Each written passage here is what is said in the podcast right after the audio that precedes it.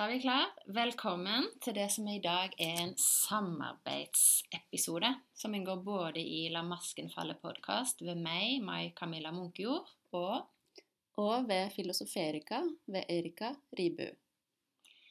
Ja, og ettersom vi begge to er både postkast, podcast, podcast, vertinner og gjester hos hverandre samtidig, så vil vi rett og slett bytte litt på det der med å lede samtalen. Men eh, kanskje jeg kan starte? Så Erika Ribu, velkommen som gjest i La masken falle-podkast. Tusen takk. Og meg, Camilla, velkommen som gjest i Filosoferika. Ja, tusen takk for det. Eh, altså, vi har jo kjent hverandre i et par års tid nå. Og vi har en god del til felles, Erika. Eh, vi har begge utgitt bok. Kanskje du vil nevne tittelen for mine lyttere? Ja, den heter Det nådeløse arbeidslivet. Hvorfor vi blir utbrente, og hvordan arbeidslivet kan bli den beste versjonen av seg selv. Nettopp. Og den boken jeg har utgitt, den heter jo 'La masken falle', og det er en personlig fortelling om å gi slipp på barndomstraumer. Og vi er begge to glad i å skrive, og vi har flere manus på gang, begge to. Mhm. Så liksom dette her med å skrive og ikle oss identiteten forfatter, det har vi til felles. Eh, I tillegg så eh, har vi begge to skrivekurs. Du har mer erfaring enn meg på det, og vi skal komme tilbake til det, men vi syns det er spennende og inspirerende å veilede andre til å finne sin egen skrivestemme, til å komme i kontakt med sin intuisjon og skrive liksom rett fra hjertet uten at det er egoet eller vårt kognitive sinn da, som styrer og kontrollerer og begrenser oss. Eh, og så har vi til felles at vi har jobba mye med det som kalles skyggearbeid, begge to. Altså vi har jobba mye med å bli kjent med og forløse og gi slipp på ulike former for traumer. Vi er begge to i spirituell oppvåkning. Vi er begge to glad i naturen. Men du, Erika, er jo ganske mye mer ute i naturen enn jeg er, da. Du kan jo kanskje nevne hva du ofte gjør? Ja, nå er jeg jo i Bergen, vi sitter her sammen. Og i dag tidlig så var jeg på fjellet. Jeg var ikke helt på fjellet, det var jeg eh, for noen dager siden, på Ulriken. Men i dag så gikk jeg opp til et tre, for jeg hadde en del um, ting som jeg måtte forløse. Da går jeg ofte i naturen, og så satt jeg ved et tre og ba om hjelp og leste meg selv og jeg ga slipp på mye. Og etter det så danset jeg rundt og hørte på musikk og løp ned igjen. Så naturen er veldig transformerende og mye til hjelp for meg. Mm. Ja, og du har hunder, og du går på ski, og Ja, jeg har to trekkhunder som jeg har masse på ski med. Og jeg, er, jeg bor i en hytte midt i naturen, så jeg er veldig ja, naturbarn, kan du kalle det. Ja, naturbarn og litt sånn villkvinne. Villkvinne, sjaman. Ja. Ja. Mm. Eh, og healer og reader og, og forfatter og mange forskjellige ting. Og det skal vi komme tilbake til. Men sånn alle, hvis vi tenker jungianske arketyper, så er du litt mer sånn naturkvinne, villkvinne. Og jeg føler at jeg er litt sånn mer tidlig overgangsalder, crone. Krone. ja. ja. Ja, litt storesøsteren din, på en måte. Ja. Mm. Eh, men i alle fall det vi ellers har til felles, som jeg syns er litt gøy òg, det er jo at vi er på akkurat samme sted sånn type karrieremessig akkurat nå. Altså vi står begge to Jeg skulle si at vi står på stupebrettet, men vi gjør egentlig ikke det. Vi har begge to hoppa fra stupebrettet, begge to. Vi har begge to hoppa fra eh, lønnsarbeid og over til en sånn tilværelse der vi skal drive for oss selv.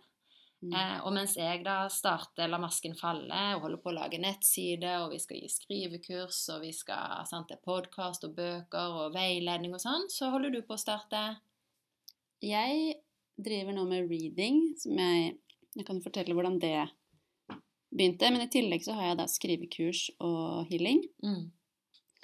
Jeg uh, visste ikke helt hva jeg skulle gjøre i 2024, og så hadde jeg en retreat i romjula. Mm. Da er det sløret mellom det spirituelle og det materielle er veldig tynt, så det er lett å få kontakt. Jeg liker i romjula å bare sitte for meg selv mest og være i stillhet og ha retreat. Så jeg gjorde det, og jeg dro på fjellet. Fem dager alene på en hytte. Mm. Og da spurte jeg, og så hadde jeg med meg brennesle. Eh, Så spurte jeg urtene Kan du være så snill å fortelle meg i drømme hva er det jeg skal gjøre i 2024? Mm. For jeg visste, jeg kjente på meg at nå var det klart. Jeg har prøvd i mange år å starte for meg selv og drive for meg selv. Det har ikke vært klart. Så kjente jeg nå nå er det klart. Nå er det, nå er det en annen energi. Nå er jeg på et annet sted. Jeg har selvtillit. Jeg har det jeg ikke hadde før. Da. Og da fikk jeg svar at uh, du skal drive med reading, Mm. healing og skrivekurs. Det kom både i drømme kom det svar, veldig tydelige filmer omtrent med akkurat hva jeg skulle gjøre, og hvordan. Mm. Og så kom det også skriftlig. Og da ble jeg Først tenkte jeg reading, ja, det er kanskje tidlig det jeg, Er jeg klar for det? Fordi jeg har siden august studert på Agape-instituttet med Marit Reitan, Mm. der jeg lærer reading. Jeg lærer å lese andre. Og hun øh, Hun foreslår der at eh, ikke begynn å lese andre før det har gått ett og et halvt år. Mm. Fordi det kan fort være at du sitter og leser deg selv, for du ikke har lært å skille mellom deg selv og den andre. Uh, uansett så fikk jeg en forespørsel fra en person, en bekjent. Kan du lese meg? Det var rett før jul. Mm. Så var jeg usikker, men da jeg satt der i romjula og tok imot Jeg sier ja, beskjeder, informasjon fra universet jeg tok imot fra min sjel. Mm. Da fikk jeg veldig klart svar at du skal lese denne personen. Og det er starten på at du skal gi readinger. Og så begynte jeg med det, og fulgte egentlig bare intuisjonen på når jeg skulle legge ut på Instagram hva jeg skulle gjøre, hvordan jeg skulle gjøre det. Og så har jeg begynt sakte, men sikkert å lese andre mennesker profesjonelt. Mm. Og da snakket jeg med min eh, lærer Marit Reitan om det også, fordi jeg sa jeg, Så jeg sa til henne ja, jeg vet at du uh, sa dette med at vi skal vente et ett og et halvt år, men da jeg leste meg selv på det, så fikk jeg et veldig klart ja. Og hun sa ja, selvfølgelig, det er opp til deg. Du har svarene i deg selv, og du leser deg selv på det. Og hvis du får et ja, så er det et ja. Det, hva jeg sier, det er ikke det som er viktig. Men uansett så kan jeg jo si litt om hva jeg lærer på denne skolen. Mm. Der lærer jeg da å lese andre og lese meg selv. Vi har noen teknikker og metoder vi gjør for å komme i en tilstand der hvor det er lett å Eller der vi lettere får tilgang til energifeltet og auraen til den andre personen. Så vi leser det som Du kan si det som ligger i auraen til den andre, det som personen allerede har gitt slipp på. Mm. Det som ligger helt ytterst eh, på kroppen, men som vi kanskje går og bærer på, og som vi holder litt fast i, for det er liksom det gamle, det er det trygge. Vi vil ikke gi helt slipp. Mm. Eh, og i en lesning så kan vi Altså det en lesning kan hjelpe med, er å vise deg hva er det du står i nå, hva er det som er viktig nå, og hva er det du trenger å gi slipp på for å gå videre. Mm. Og ja, så vi har noen teknikker og metoder vi bruker, og det som det egentlig handler om, er å se, føle, høre og vite hva som skjer i Hvis jeg leser meg selv, så er det meg selv, og hvis det er et annet menneske, så er det et annet menneske. Mm. Så eh, alle har egentlig den sansen. Eh, hva skal man kalle det? Sjette sans. Ja. Mm. Tredje, tredje øye. Eh, og så er det noe med å øve eh, på det. Så når jeg leser andre, så, så får jeg navnet deres, og så går jeg inn og ser hva slags bilder som kommer opp. Hva er det jeg hører? Hva er det jeg føler at jeg vet? Hva er det jeg føler i kroppen? Og så formidler jeg det. Så det er ikke noe sånn Det handler ikke om spåing eller noe, men det er bare hva er det hva er det som ligger uten Hva er det du viser? Hva er det som ligger i energifeltet ditt nå? Mm. Og da, Erika, får jeg litt lyst til å bare kaste meg ut i deg og si, selv om det er skummelt, um, har du da lyst til å gjøre en reading på direkten, en åpen reading av meg, for å si til meg hva som er i mitt energifelt, som da med andre ord handler om det som jeg på en måte egentlig har gitt slipp på kognitivt, men som allikevel er i auraen min, og som jeg trenger å se på. Og så kan vi på en måte ta samtalen videre derfra etterpå? Ja, Vil du det? det kan vi gjøre. Det kan vi gjøre. Ja. Jeg kan bare spørre, er det, er det skummelt? Ja, det er skummelt. Jeg har nå lest 20 mennesker etter jul, Mm. og hver gang jeg leser, så, så har jeg den følelsen av at jeg ikke vet helt. At jeg er nervøs for hva jeg vil se, og så om det vil komme noe. Mm. Og fordi det er akkurat som at jeg ikke tror helt på En del av meg vet ikke og tror ikke helt på at det er mulig. Men så leser jeg jo, og så ser jeg at ja, men det kommer noe, og det går bra hver gang. Jeg får alltid informasjon og formidler, og det er bare den derre Jeg tror det er så nytt at, eh, at jeg har en ydmykhet for hva som kommer, og at det er nytt og uvant. Mm. Eh, og så er det fordi det er, ikke, altså det er ikke opp til meg, det er mer et samarbeid, det kommer gjennom meg. Mm. Så da er det, da er det ikke opp til meg heller. Eh, og det er det jeg tror jeg føler på en sånn usikkerhet for Eller redsel for at jeg ikke har kontroll. Mm. Eh, men så handler det om å stole, stole på, og nå har jeg fått ganske mye erfaring på at på at eh, det alltid kommer noe. Så jeg, jeg sier ja til det, og så ser vi hva som kommer. Vi ser hva som kommer. Jeg må bare legge til at jeg syns også det er skummelt med en åpen reading. Jeg har jo gjort mange modige ting, syns jeg sjøl, i La masken falle-podkast før, og nå er jeg jo da i tillegg gjest hos Filosoferinga-podkast, men eh, jeg har aldri hatt en åpen reading. Og da føler jeg òg at da krever det på en måte at jeg har tillit til mitt høyere selv, min sjel, og at den viser det som jeg er klar for å høre, og det som jeg er klar for å dele med våre lyttere. Mm. For i går så fikk jeg veldig sterkt opp at det skulle være åpent. Jeg vet ikke hvorfor, og det får vi kanskje et svar på nå, Mm. men det var så sterkt at jeg var sånn Jeg kan ikke la det gå, fordi det bare må Det må være åpent. Mm. Men du, da prøver vi. Da prøver vi. Mm. Ok. Da gjør jeg denne meditasjonen som vi gjorde før vi startet. Mm. Sier den høyt, sånn at lytteren også kan være med på den. Mm. Og deretter blir jeg stille, og så spør jeg om navnet ditt. Og så starter jeg å formidle. Mm. Da, og dette har jeg altså lært av min lærer Marit Reitan, så det er referansen er Marit Reitan, Agape-instituttet. Må bare få med det. Da lukker vi øynene og går opp i tredje øye ved å sentrere midt i hodet og se ut av panna. Jorde rommet ved å trekke energitråder fra hvert enkelt hjørne inn til midten av rommet. Lage en brei og god jordingskanal midt i rommet, som går helt ned til innerst i jorda. Jorde deg selv brei og god jordingskanal fra hoftene helt ned til innerst i jorda. Ta opp jordenergi ved å åpne fotchakraene. Trekk opp den energien du trenger akkurat nå. Opp gjennom føttene, leggene, knærne, lårene. La det skylle godt i bekkenet, og det som blir til overs, renner ned i jordingskanalen. Ta ned universell energi ved å åpne kronesjakra. Brei og kraftig stråle ned i krone. Ned gjennom tredje øye, halsen, hjertet, solar plexus, magen, ned til rot. Ta med deg 10 av jordingsenergien når det går opp igjen.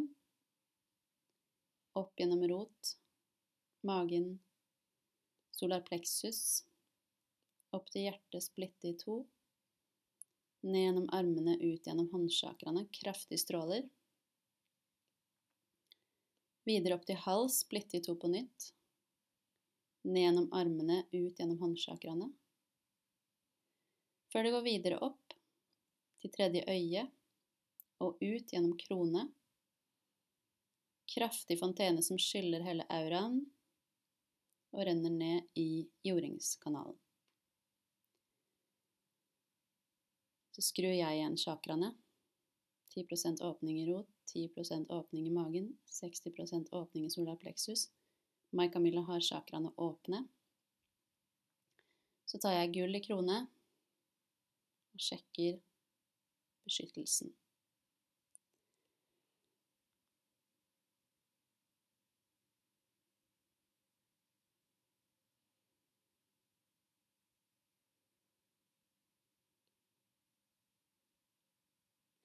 Kan jeg få navnet ditt tre ganger?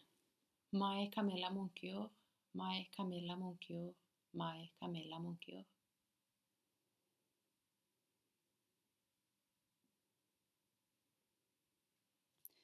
Chakra som lyser opp på en åpen reading, er solar plexus. Gul farge og grønn på toppen.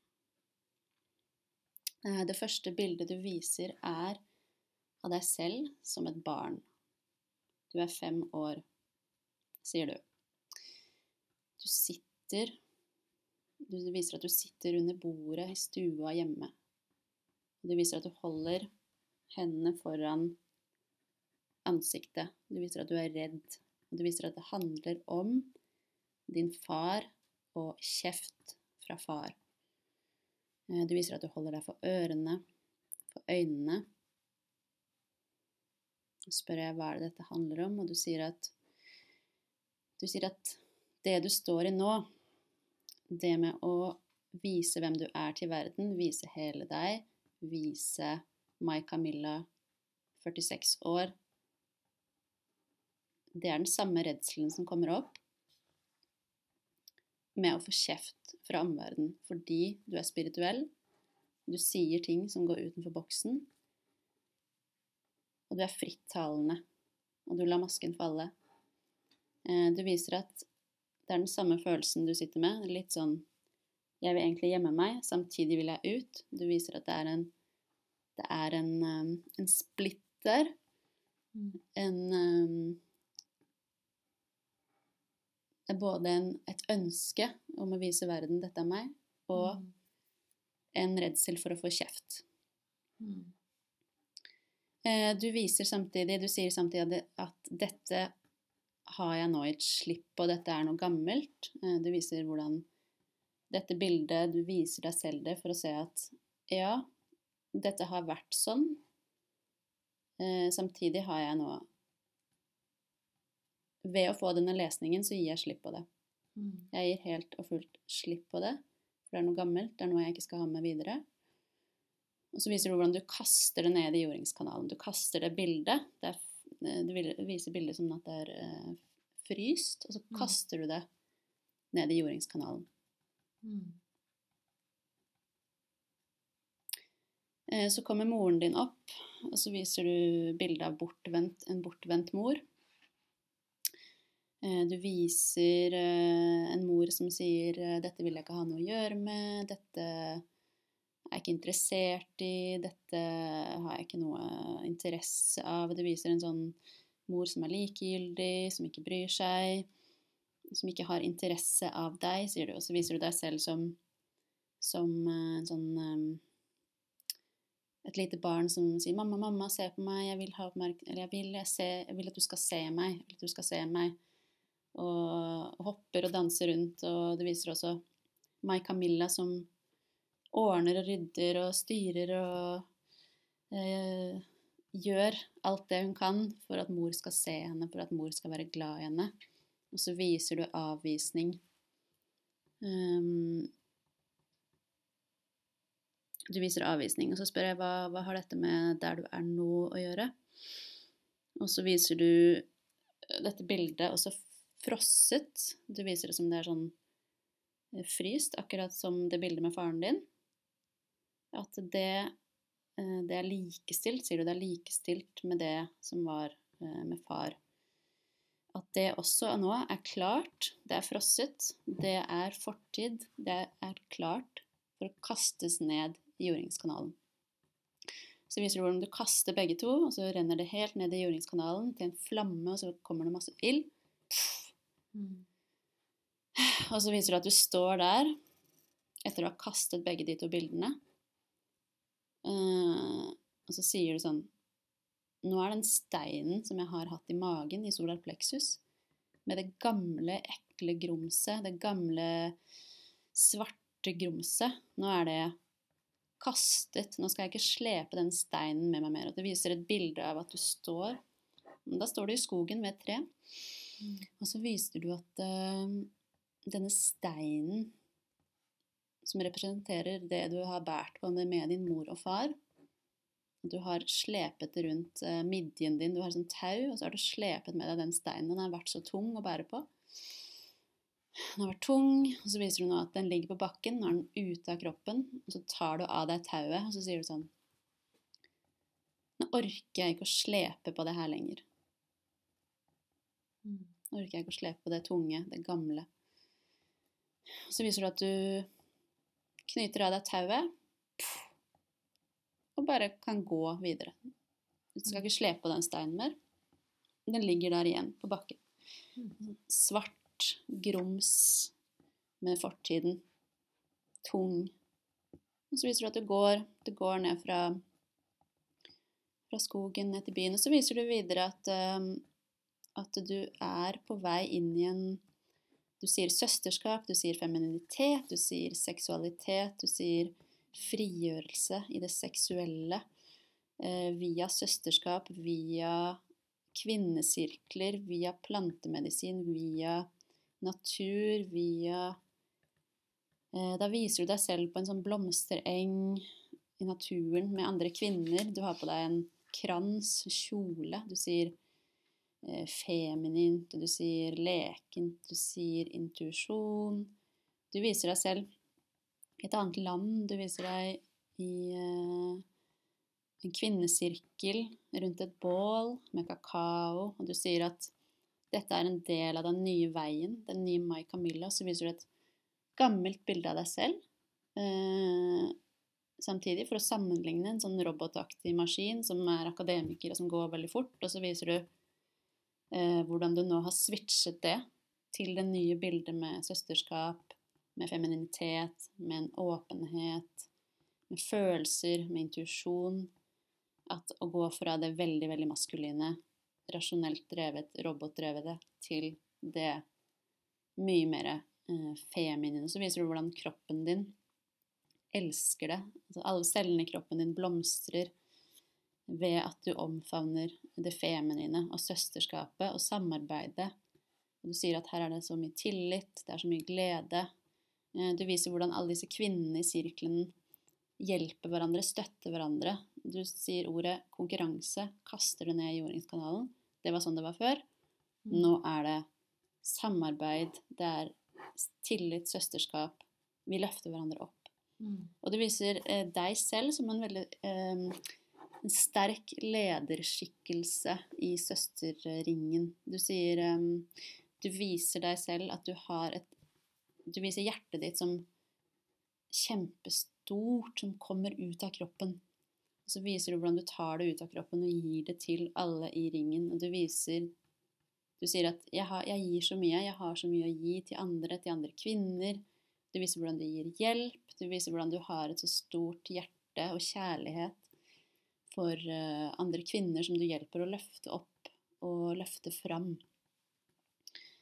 Eh, og du viser hvordan du gir, og så viser du hvordan du også får masse tilbake i den sirkelen med gaver. Du får gaver tilbake fra alle kvinner. Du får blomster, du får hjerter. At det er en veldig sånn Du sier kjærlighetsfull utveksling. Eh, og du viser hvordan Mai Camilla i den sirkelen er sånn kjempelykkelig glad. Det er her jeg skal være, sier du. Denne energien med andre kvinner på denne måten, og i dele. Eh, Du viser barn rundt deg, du viser eh, Du viser familieenergi, du viser en veldig sånn god energi som kommer rundt dette med at du omfavner eh, en søstersirkel og et søsterskap, eh, sier du. Mm.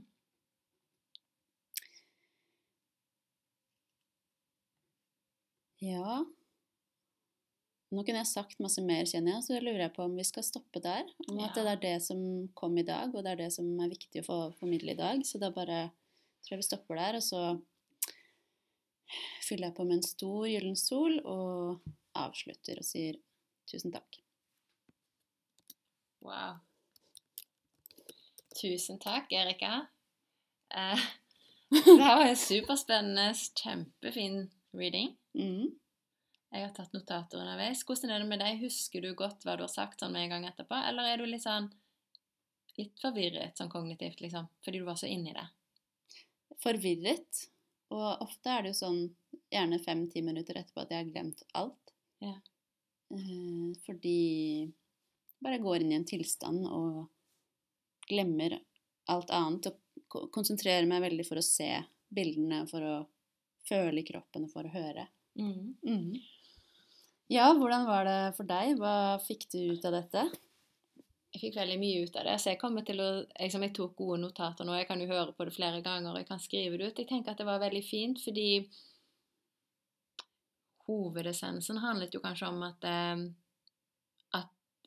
jeg har jobba så mye med ulike deler av fars- og morsåret at jeg i stor grad er klar til å gi slipp. Slipp på frykten for å få kjeft, som i, i mitt tilfelle er knytta til far. Og, men at jeg også er klar for å gi slipp på frykten for å bli ignorert, Mm. som, som handler om morsåret. Men at jeg på en måte kan være den jeg er, og være meg selv, tjene penger på å være meg selv, fryde meg over å være meg selv, Mm. stå stødig i meg selv, uten å ha behov for applaus, eller sant? Uten å ha behov for applaus sånn sett fra min biologiske familie, men bare være den jeg er. Og så på en måte Og så var det jo da at du òg viste dette her med at denne bevegelsen som både jeg er i, og som du er i, eh, fra, for min del, da, fra akademia og forskning og universitet, høyskole, forskningsinstitutter, der jeg har vært før, og over til en ny tilværelse der jeg mer er i min kraft, og der jeg driver med skriving og formidling og podkast og skrivekurs, er det også en transformasjon fra litt sånn, det litt sånn styring, kontroll, det rigide, det maskuline, til det mye mer frie, myke, flytende, eh, intuitive, feminine. Og så viste du jo da at det for meg bl.a. handler om også å gå fra konkurranse til samarbeid og samhold og søsterskap og det å løfte hverandre. Og så var det jo på en måte e- egoet mitt, da vil si at i slutten av readingen så var jeg på en måte litt det noen kan si hvis de skal være litt kritisk, da, litt, sånn, litt høy på meg selv, fordi at jeg viste at jeg er en lederskikkelse i denne kvinnesirkelen, og jeg har et stort hjerte som jeg gir til alle. Og en del av meg vet jo at det er sant, og en del av meg tenker ah, kan ikke jeg bare sitte sammen ikke sant, på lik linje med de andre i sirkelen? Hvorfor skal jeg absolutt være en lederskikkelse? Sånn, så det er liksom et, Mitt ego da syns at det var nesten litt sånn flaut, da. At jeg, at jeg er en sånn slags lederskikkelse i den sirkelen. Og, men det som jeg kjenner igjen, er jo at jeg, jeg løfter andre. Jeg trives veldig godt med å løfte andre. Og så ser jeg jo hvor mye jeg får tilbake. Ikke nødvendigvis av den enkelte kvinne, for jeg driver ikke med noe regnskap. Men jeg ser at jeg får veldig mye tilbake Mm. fra alle mulige slags kanter av søsterskap og vennlighet og samhold og, og gode ord. Ofte fra helt uventa kanter, da. Sånn at det var, det var det jeg fikk ut av det, og det var utrolig fint. Og hva tenker du? Er det et budskap som ikke bare gjelder meg, tror du, men som også har en mer sånn generell verdi? Mm. Ja, det er jo sånn når jeg leser folk, så ofte så handler det Så får, vi, så får jeg det eh, vi kaller match. Altså det er noe jeg blir speilet på, og det er noe som også gjelder for meg. Og sånn er det gjerne de første årene vi, vi leser andre. At vi matcher eh, mye. Og For da er det noe som også trenger å bli vist til meg, ikke sant. Mm. Og som sikkert gjelder for mange andre.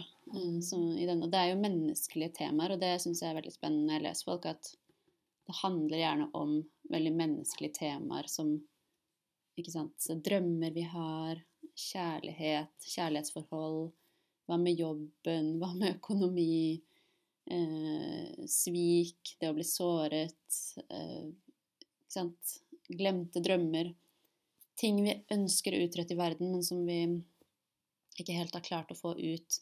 Det å uttrykke sin sannhet, det å være seg selv. Veldig Mm. menneskelige temaer. Mm. Så det syns jeg er veldig givende. Og så må jeg bare si at um, det var en del som ja, matchet meg nå i denne readingen, og det var det jeg også fikk opp i går.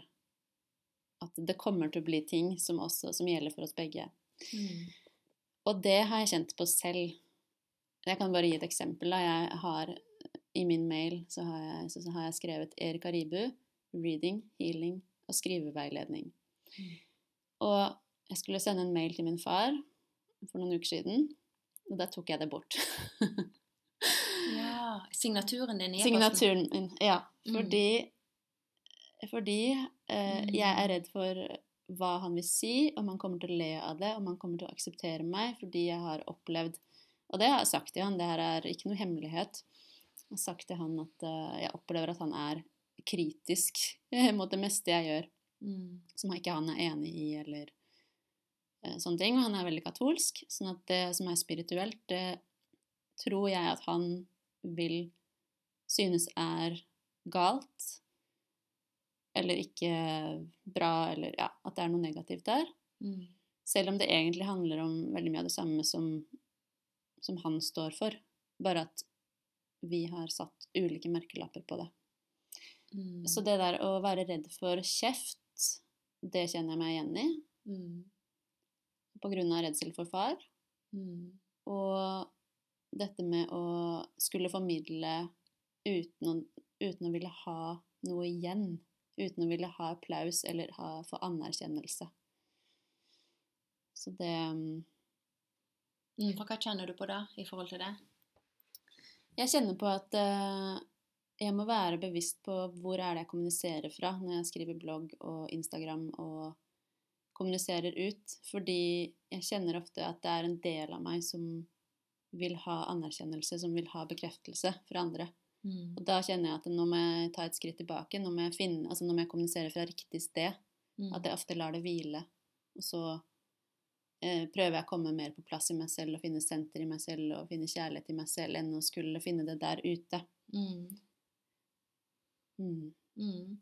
Og så var det dette her med at det som jeg på en måte går i nå, sant? altså det som du leste meg på, som jeg går inn i, sant? det handler ikke bare om jeg nevnte i sted, søsterskap og samarbeid, men det var òg dette her med plantemedisiner og seksualitet og kanskje litt mer sånn seksuell utforsking og det å komme tilbake til sin seksuelle kraft.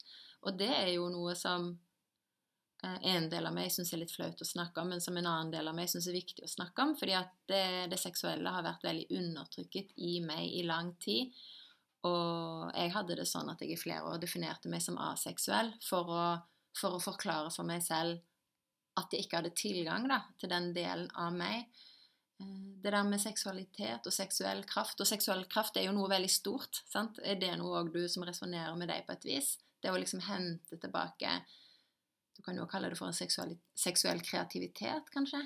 Mm, det var det jeg fikk opp nå, at det handler også om den kreative Altså det å utforske kreativt, det å åpne seg. Mm.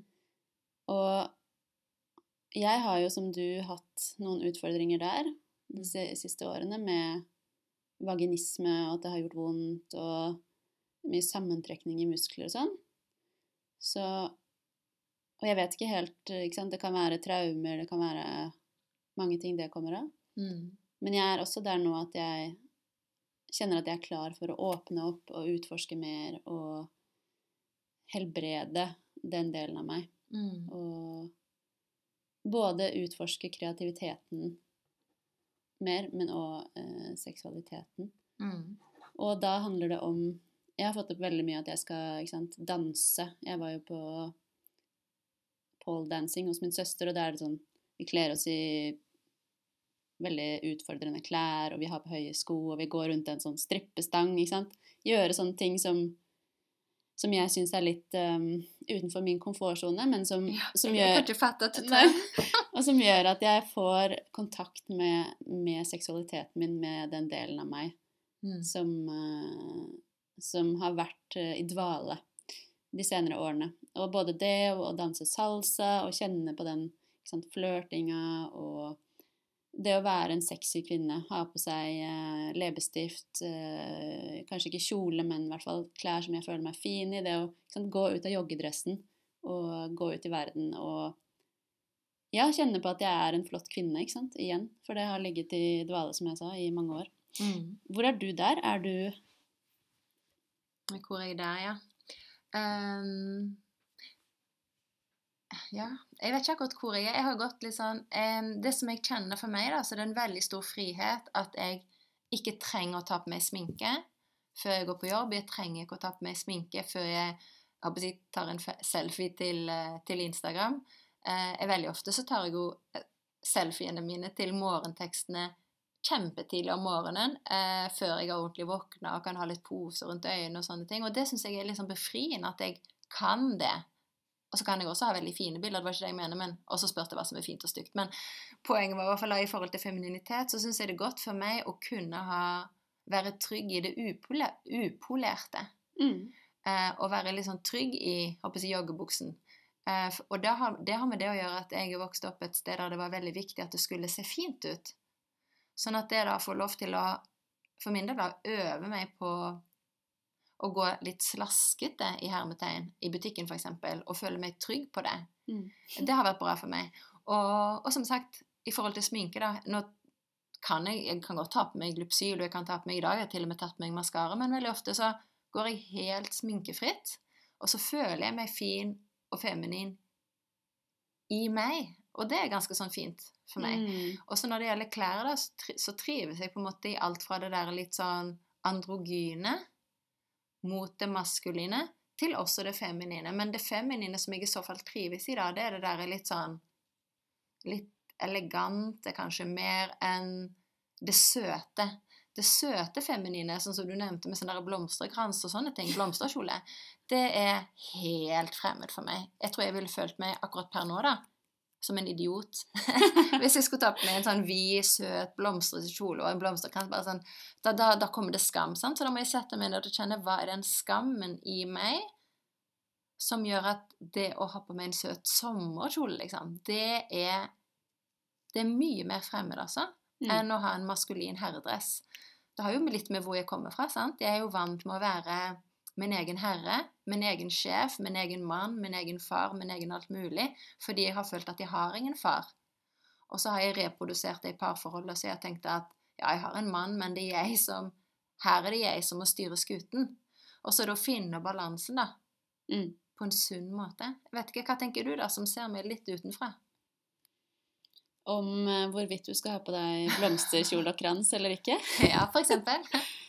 Nei, altså det bildet du viste det, er, altså, det der med lesing, da. Det er det ikke jeg som viser, men det er du, det er din sjel som viser. det. Ja, ja. Mm. Jeg vil bare rette Presisere det. presisere det.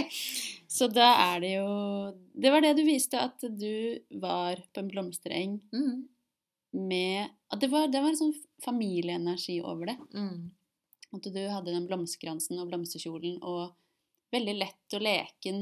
Mm. Eh, og jeg, jeg vet ikke, det er ikke sånn at i lesing så skal jeg ikke tolke eller noe sånt, så jeg bare lar det være opp til deg, tror jeg. Men Mm, mm. det var i hvert fall veldig kjærlighetsfull, god familieenergi og glede over det bildet. Så jeg vet ikke noe mer enn det. Nei, og det er jo Nei. egentlig noe jeg lengter etter. sant? Mm. Det der med å slappe av i det og være leken og sånt noe. Og Mm. det å ta tilbake liksom det lette, det veldig sånn sånn lette og leken og sånn, det er jo noe jeg lengter etter. Det jeg fikk opp nå når du snakker, er at, eh, at det handler om utforsking. Mm. Mer enn at du skal definere deg som at å, jeg er en sånn som går med sånn kjole eller sånn kjole. At det handler mer om å ja, nå prøver jeg det og ser hvordan det føles. Nå prøver jeg det og ser hvordan det føles. Mm. Sånn som da jeg var på dette Pole-studio, og så prøvde noen sånne sånn, veldig utfordrende klær, og ja, nå skal jeg bare se hvordan dette her eh, kjennes ut. Eh, Mm. Er det Vekker det noe i meg? Gjør det noe for meg? Gjør det ikke noe for meg? Liker jeg det? Liker jeg det ikke? Altså mer en sånn derre Ja, leken utforsking. Mm. Og Ja, hva slags, hva slags roller er det jeg er komfortabel med? Mm. Jeg har prøvd det før også. Uh, Jo, jeg tror en del av meg liker det, for det er en sånn derre Nå fikk jeg opp ordet dominans, og det er ikke det det, er ikke det det handler om, men det bare så jeg for meg at det er, en sånn, det er en kraft i det. Å kunne ta på seg ulike klær og prøve ut og gå inn i ulike roller og gå inn i den rollen og late som, som en sånn skuespill. Det er en kraft. Mm. Altså det gir en styrke. Mm.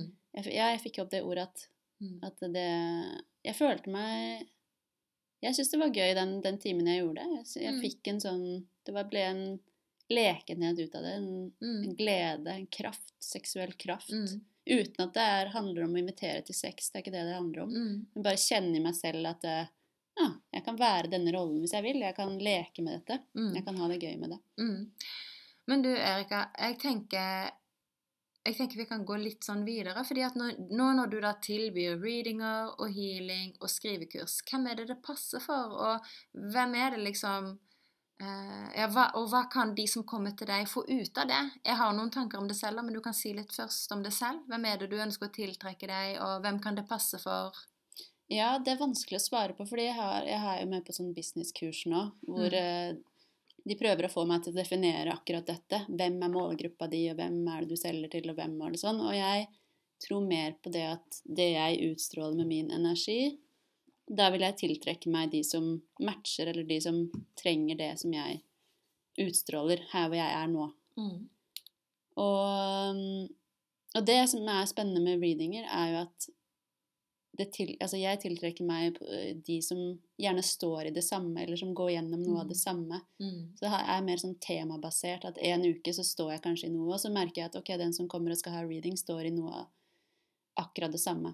Mm. Eh, så readinger, eh, da er det veldig forskjellig eh, ut fra hva de trenger. Men jeg tenker at alle som ønsker å bli vist der de er nå, Mm. og som er klar for det, og som tør det, og som, og som ønsker å gi slipp på noe de står fast i. Da kan Mm. en reading hjelpe med det. Mm. Og skrivekurs og veiledning, Mm. da er det det skrivekurset jeg skal ha nå, som begynner mandag 26. februar. Mm. Det heter Finn din kreative kraft og få mer skriveflyt. Mm. Det er for alle som kanskje ønsker å vekke kreativiteten som har ligget i dvale. Mm. Eh, og få tilgang til dypet av seg selv, der hvor de kan legge bort tankene, kjenne etter mer i kroppen, kjenne etter fra dypet hva er det jeg vil skape, og så går vi inn der og utforsker via musikk, via ulike øvelser, via ting som jeg forteller, via delinger. Eh, hva er det som egentlig bor i oss, Mm. og hvordan kan vi få tak i det? Hvordan kan vi få det ut i verden? Mm. Og det handler ikke om nødvendigvis å publisere ting.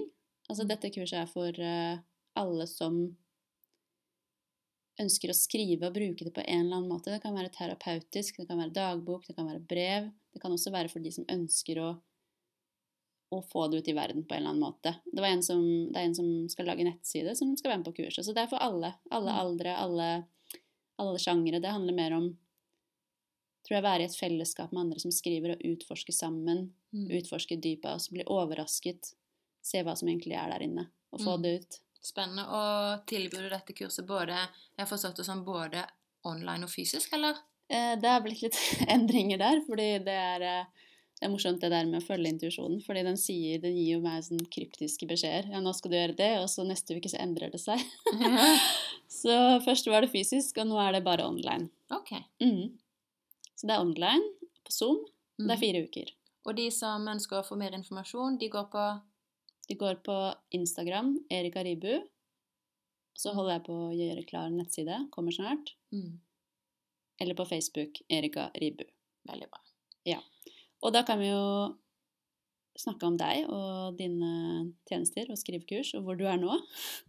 Fordi det er jo Det, det, det snakka vi om før vi starta, at eh, Vi er på samme vi er sted. på samme sted. Vi konkurrerer ikke, vi støtter hverandre, vi hjelper hverandre. Vi, selv om vi driver med mye av det samme, så tiltrekker vi nok oss ulike mennesker, for du har skrevet en type bok og driver med noe, altså form for skrivekurs, og jeg har skrevet noe annet og holder på med an, altså, annen type skrivekurs. Så hvis du skal sammenligne, hva, hvordan er ditt skrivekurs som du skal starte opp i april?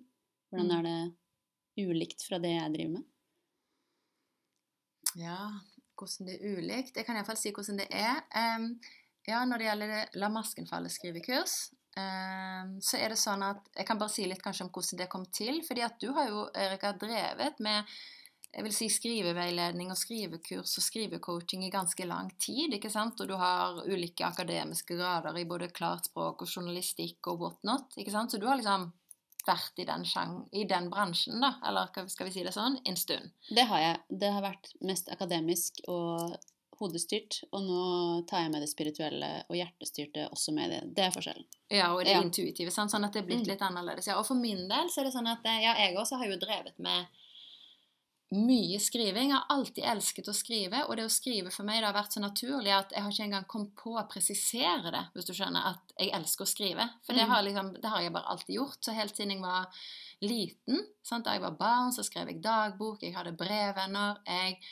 husker at jeg ble helt oppslukt av Jane Austen i sånn ni-ti år, årsalderen, og da skrev jeg lange, kjærl imaginære kjærlighetsbrev på dansk, ikke sant? Og så etter hvert så ble jeg oppslukt av Bibelen og kristendom, og jeg leste og leste, ikke sant? Det var noe som heter Tenningsnøkkelen, husker jeg, nå, og da leste vi Bibelen, og da skrev jeg litt sånn salme, altså hva heter det da, sånn salmeaktige dikt, ikke sant? Litt sånn høysang, høysang av Salomos høysang, og jeg elsker det, og holdt på med det en stund, og, og så videre da. Og likte skolen, spesielt etter hvert som jeg ble eldre. da, så Jeg likte skolearbeid og det å skrive på skolen og studere osv. Og, så og i min jobb så har jeg jo da egentlig primært skrevet. Det er liksom det jeg har gjort, og jeg har elsket det.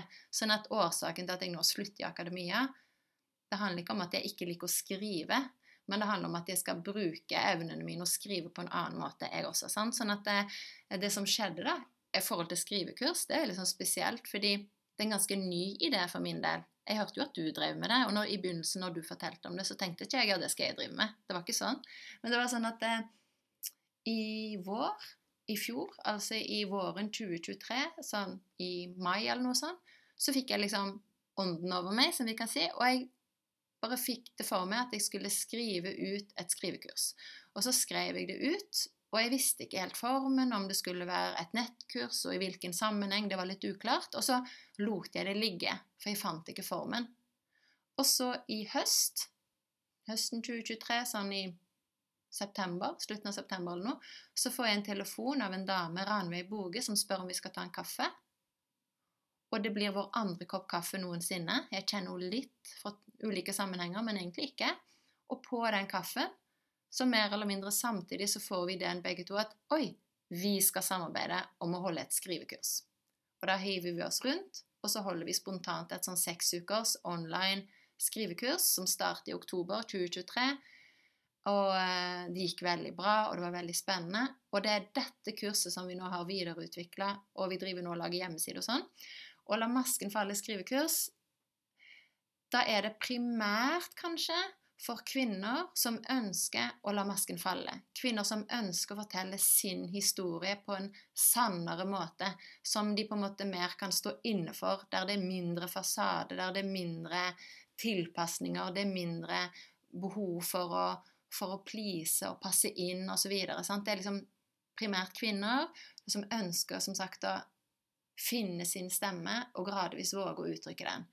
Mange av de som kommer til La masken falle skrivekurs, har lenge ønska å bli forfatter. De har lenge ønska å utgi en bok, men de har liksom ikke kommet dit. Men, men, du må ikke ha en bok i magen for å passe inn. Du kan også bare ønske å, å skrive for din egen del, eller kanskje for dine nærmeste. Og om du ønsker å utgi en papirbok, eller om det skal bli en e-bok, eller om det skal bli liksom, eh, ja, en blogg på nettside, det kan du finne ut av etter hvert. Men for å avslutte, det er liksom for alle som ønsker å finne sin stemme og, og uttrykke den. Og så er det en del likheter med ditt kurs, i den forstand at det er en del sånn øvelser der, handler, der det handler om å gå forbi egoet og, og, liksom komme i skriveflyt og finne hjertet og den indre stemmen og liksom det man ønsker å uttrykke. Men så er det også en god del informasjon i La masken falle skrivekurs om selve liksom skriveprosessen knyttet til nettopp bok. Sant? Dette med prosessskriving og revideringsprosessen, og fra råmanus til førsteutkast, og hvordan velge forlag, og pitching, og, og, veien fra pitching til publisering, og ikke minst hva skjer etter publiseringen, og liksom litt sånn informasjon og samtaler om det markedsføringsarbeidet som enhver forfatter må gjøre etter at boken er kommet ut. Wow! Jeg fikk lyst til å ta det kurset selv. Ja, jeg fikk, Kjempespennende. Ja. ja, ikke sant. Så det, vi driver jo med mye av det samme, bare at vi har Vi kaller det Eller vi, vi, altså vi har våre unike uttrykk ut fra en felles interesse om å skrive. Skrive bok, skrive i ulike sjangere. Jeg er jo Ja. liksom misunnelig på deg der, som driver med trekkspill, heter det trekkspill? Mm. Ja, sant? Som driver med trekkspill og musikk og litt sånn mer galskap. Ja, vet du hva, nå mm, Det er takket være Audun Mysja, tror jeg, at jeg har fått selvtillit på det der. Fordi jeg gikk jo på enhetsterapi med han for noen år siden. Og der eh, Han er jo en healer, og vi gjorde masse øvelser og en energetisk arbeid som gjorde at jeg fikk kontakt bl.a. med kreativiteten min og med mine talenter. Og så på tredje året der så hadde jeg med meg trekkspillet og spilte for de andre. Og Audun Mysja var helt wow. Åh, du kan gå rett inn hos andre og helbrede og hjelpe med, med det du spiller, og du spiller rett fra hjertet. Og da fikk jeg selvtillit på det. Så nå plutselig var jeg og svømte her om dagen, og så da jeg tenkte på dette skrivekurset jeg skal ha, så, så da jeg svømte, så fikk jeg plutselig et bilde av at ja, du skal jo ha med trekkspill. Selvfølgelig. Det er jo det som er prikken over i-en på dette kurset. Ja. Så da mm, Da har jeg begynt å markedsføre det med, med trekkspillet. For det kan være Det er Du treffer en streng. Jeg treffer en streng, og det, det har Altså, det er en inngang Mm. til noe i oss som ikke vi alltid har tilgang til bare med ord. Eller med andre ting. Ja, med, med tørre ord. sant? Fordi at nettopp det Jeg tenker at begge Det er våre kurser til felles. Mm. Kjenner jeg nå, Det er dette med at vi vil bevege Mm. og berøre. Mm. I beve altså berøre og sette i bevegelse. Og det, det, det sier jo kursdeltakerne hos oss begge, at de føler. De føler at de blir beveget og berørt, og at de kommer dypere inn i seg selv. Men så kommer de òg i kontakt med sin egen motstand. Mm. De kommer i kontakt med det som har holdt de tilbake, og som fortsatt holder de tilbake. Og det er da liksom å bruke trekkspill eller andre øvelser eller meditasjoner eller visualiseringer eller andre ting da, for å kjenne etter hvem er du, kjære motstand, som Mm. akkurat nå holder meg igjen? Mm. Og hvordan kan jeg møte deg og forløse deg? For det er jo det vi ønsker å invitere til, tror jeg. Sant? Når vi snakker om å slippe masken, Mm. så tror jeg at vi mener jo begge to å ikke late som at det mørke ikke er der. Vi vil ikke late som at det vanskelige ikke er der, men vi vil gi mot til å møte og forløse. Ja. Det kan vi gjøre på mange måter, som du sier. Meditasjon, ulike øvelser, musikk. Og som vi gjorde på enhetsterapi også, var det å bruke toning. Ikke sant? Å møte den motstanden eller den følelsen du har, med lyd. Mm. Og forløse den via lyd. Så Mm. det er utrolig mange måter å gjøre det på. Og Mm. det er det som jeg syns er spennende å, å kunne gjøre i mitt eget kurs. Og det er derfor jeg også trenger å fristille meg fra systemer og institusjoner som sier at jeg må gjøre det på en viss måte. For å nemlig kunne være kreativ og bare ta i bruk alt eh, Mm. som jeg har i ryggsekken av ikke sant? Sjaman, være seg sjamanisme, reiki, healing, trekkspill, klart språk Altså alt. At alt er lov. Mm. Og det er vel det kanskje du også kjenner på med å Nå fikk jeg sånn bilde av at, uh, at vi begge liksom Vi begge bare står på kanten av uh, At vi river av oss sånne rustninger som vi har vært fast i, og så bare sånn Nå er vi fri. Mm. Føler du også på det? At du er mer fri i hva du kan gjøre utenfor akademia, utenfor systemet? Ja. Mer og mer fri, selv om jeg følte på en stadig større frihet i akademia òg. Fordi at eh, i akademia så er det òg enkelte suksessfaktorer, og det handler om bl.a. publisering. Og jeg har alltid vært veldig god på publisering. Eh, og etter hvert, da, fordi at jeg var god på publisering, så tillot meg å skrive artiklene i stadig friere form. Og en av de siste artiklene som jeg skrev med en forsker som heter Washa Shilan, som er, har urfolksopprinnelse fra Taiwan, så begynte vi å avslutte den vitenskapelige artikkelen med et dikt. Oi. Og det er ikke så vanlig, sant? men da gjorde vi det, og det ble veldig tatt godt imot, ikke sant? Og, og vi fikk skryt for det. da. Sånn at det å bruke emosjoner også inn i forskningen, tenker jeg at det har vært økende rom for, og at det vil bli enda mer rom for etter hvert. Men ja, jeg kjenner veldig lettelse av å gå ut og skrive enda friere. Og det som er min liksom det som jeg føler min styrke i forhold til å bevege og berøre, så går det i retning av det, jeg vet ikke om vi skal kalle det det poetiske eller det lyriske. Og du skriver jo òg dikt, Erika, men sant, jeg skriver en del dikt. Og det som jeg kjente på skrivekurset, som fungerte veldig godt, det var at jeg, jeg begynte en del av skrivekursseminarene. Eh, La masken falle skrivekurset også online, men jeg begynte de ofte med si, dagens dikt eller et dikt som jeg nylig hadde skrevet, og som betydde mye for meg, Mm. og som ofte da betydde en god del for flere av deltakerne. Sant? Det berørte noe i de. For Mm. igjen, apropos det du nevnte med reading, jeg tror at de som kommer til våre kurs, de, de kjenner seg igjen i noen av våre tematikker, sånn at vi, vi berører hverandre, da. Mm. Mm, fordi vi er omtrent på samme sted. Så typisk de som kommer til meg, vil jo da også ha morsår og farsår og barndomstraumer av ulikt slag, eh, som de er mer eller mindre bevisst, og som de lengter etter å komme ut av. Og det der som sagt det mer poetiske syns jeg har vært veldig spennende. Og det kan jeg bare nevne, nå begynner sikkert tiden snart å gå ut, men i starten da jeg skrev dikt, det var jo noe jeg begynte med da jeg skrev La masken falle, egentlig, for det er jo bare er det bare halvannet år siden? Ja, sant? Noe sånt? Mm. To år siden er det kanskje? Ja, to år siden. Da begynte jeg å skrive dikt. Og, og det å skrive dikt, og mine dikt da, de er ikke på rim og ingenting sånn, det er mer at det er, det er en emosjonell måte, tror jeg, å uttrykke en essens på. Eh, det kjenner jeg at jeg beveges av det, og, og en del lesere beveger beveges av det, fordi det blir liksom så Uff. Ja, Altså Det blir så sterkt. da, og bare, Det som kommer til med et kjempekort dikt, som jeg tror jeg har uh, sitert i, i, uh, på et eller annet, en tidligere episode av La masken falle Det er jo apropos papparelasjonen min. sant? Og i La masken falle, bare for å nevne det, der, så har jeg en passasje der jeg i hypnoterapi møter min far. Og så sier jeg til min far i hypnoterapi, når jeg skal gjøre oppgjør, da, eller liksom ta oppgjør og fortelle han hvordan det har vært for meg å være hans datter, så sier jeg mange ganger har jeg sett for meg din begravelse, pappa.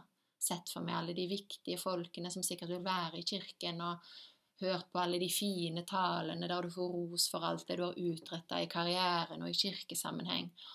Og så går jeg frem, din eldste datter, på vegne av familien for å holde en tale, og så sier jeg, pappa, det har vært vondt å være din datter. Og så leser jeg, så sier jeg forskjellige ting, sier jeg, og så leser jeg et dikt, da, og det er som så, hvis jeg nå husker det utenat. Mm. Pappa, nå er du død, og jeg er ikke så lei meg fordi eh, jeg føler liksom ikke at jeg har eh, mista en pappa. Samtidig er jeg så uendelig lei meg fordi jeg alltid har drømt om å ha deg som min pappa.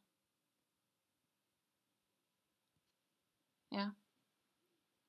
Og så med de ordene, da, så på en måte så er det noe Det er en energi da, som er i de ordene når det blir formidla ganske sånn kortfatta. Mm. Ganske rått. Mm. Jeg vet ikke om du kjenner på noe av det samme. At er det noe musikalsk der, på et vis? I dikt? Ja, ja.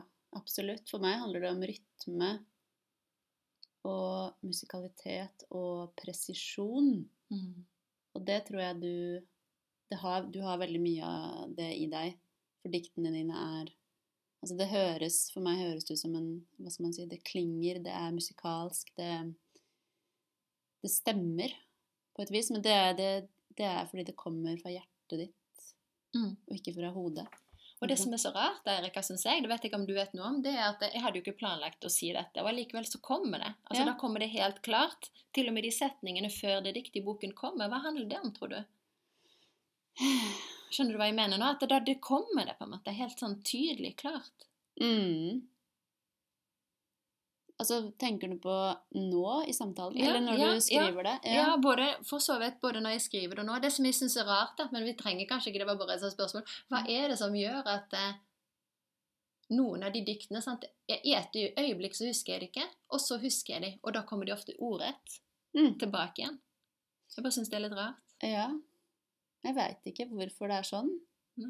Jeg bare Det jeg syns er spennende med, med det å skrive med dikt på den måten, er at jeg opplever at diktene ofte kommer, at jeg må nesten løpe etter dem, eller jeg må, jeg må holde fast i dem, jeg må skynde meg å skrive dem ned. Og nå drev jeg og lette etter et dikt da mens du snakka her, uh, som jeg skrev Ja.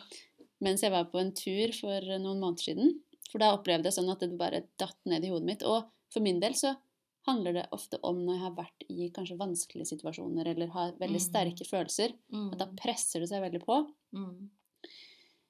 Eh, det presser seg på, og jeg opplevde det for noen måneder siden jeg var på tur.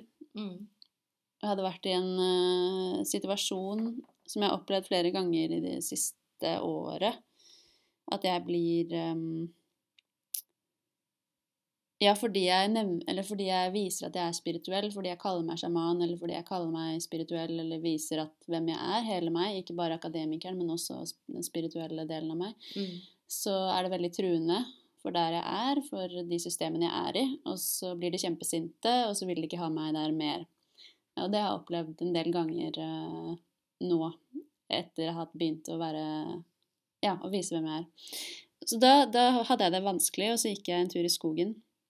Og da kommer dette diktet. Og da hadde jeg ikke med mobil, ikke noe å skrive på. Og da kommer dette diktet så sterkt at jeg hører setningene 'Jeg skulle ha gått'. Og da var jeg ute og gikk, så det var litt morsomt, men det var 'Jeg skulle ha gått'. Og da kommer Jeg kan se om jeg husker det nå. Mm. Jeg skulle ha gått da dere løp fra meg på barneskolen, istedenfor å løpe etter dere. Jeg skulle ha gått. Jeg skulle ha gått da dere stengte meg ute på ungdomsskolen, istedenfor å bli og prøve å få vennskapet tilbake. Jeg skulle ha gått.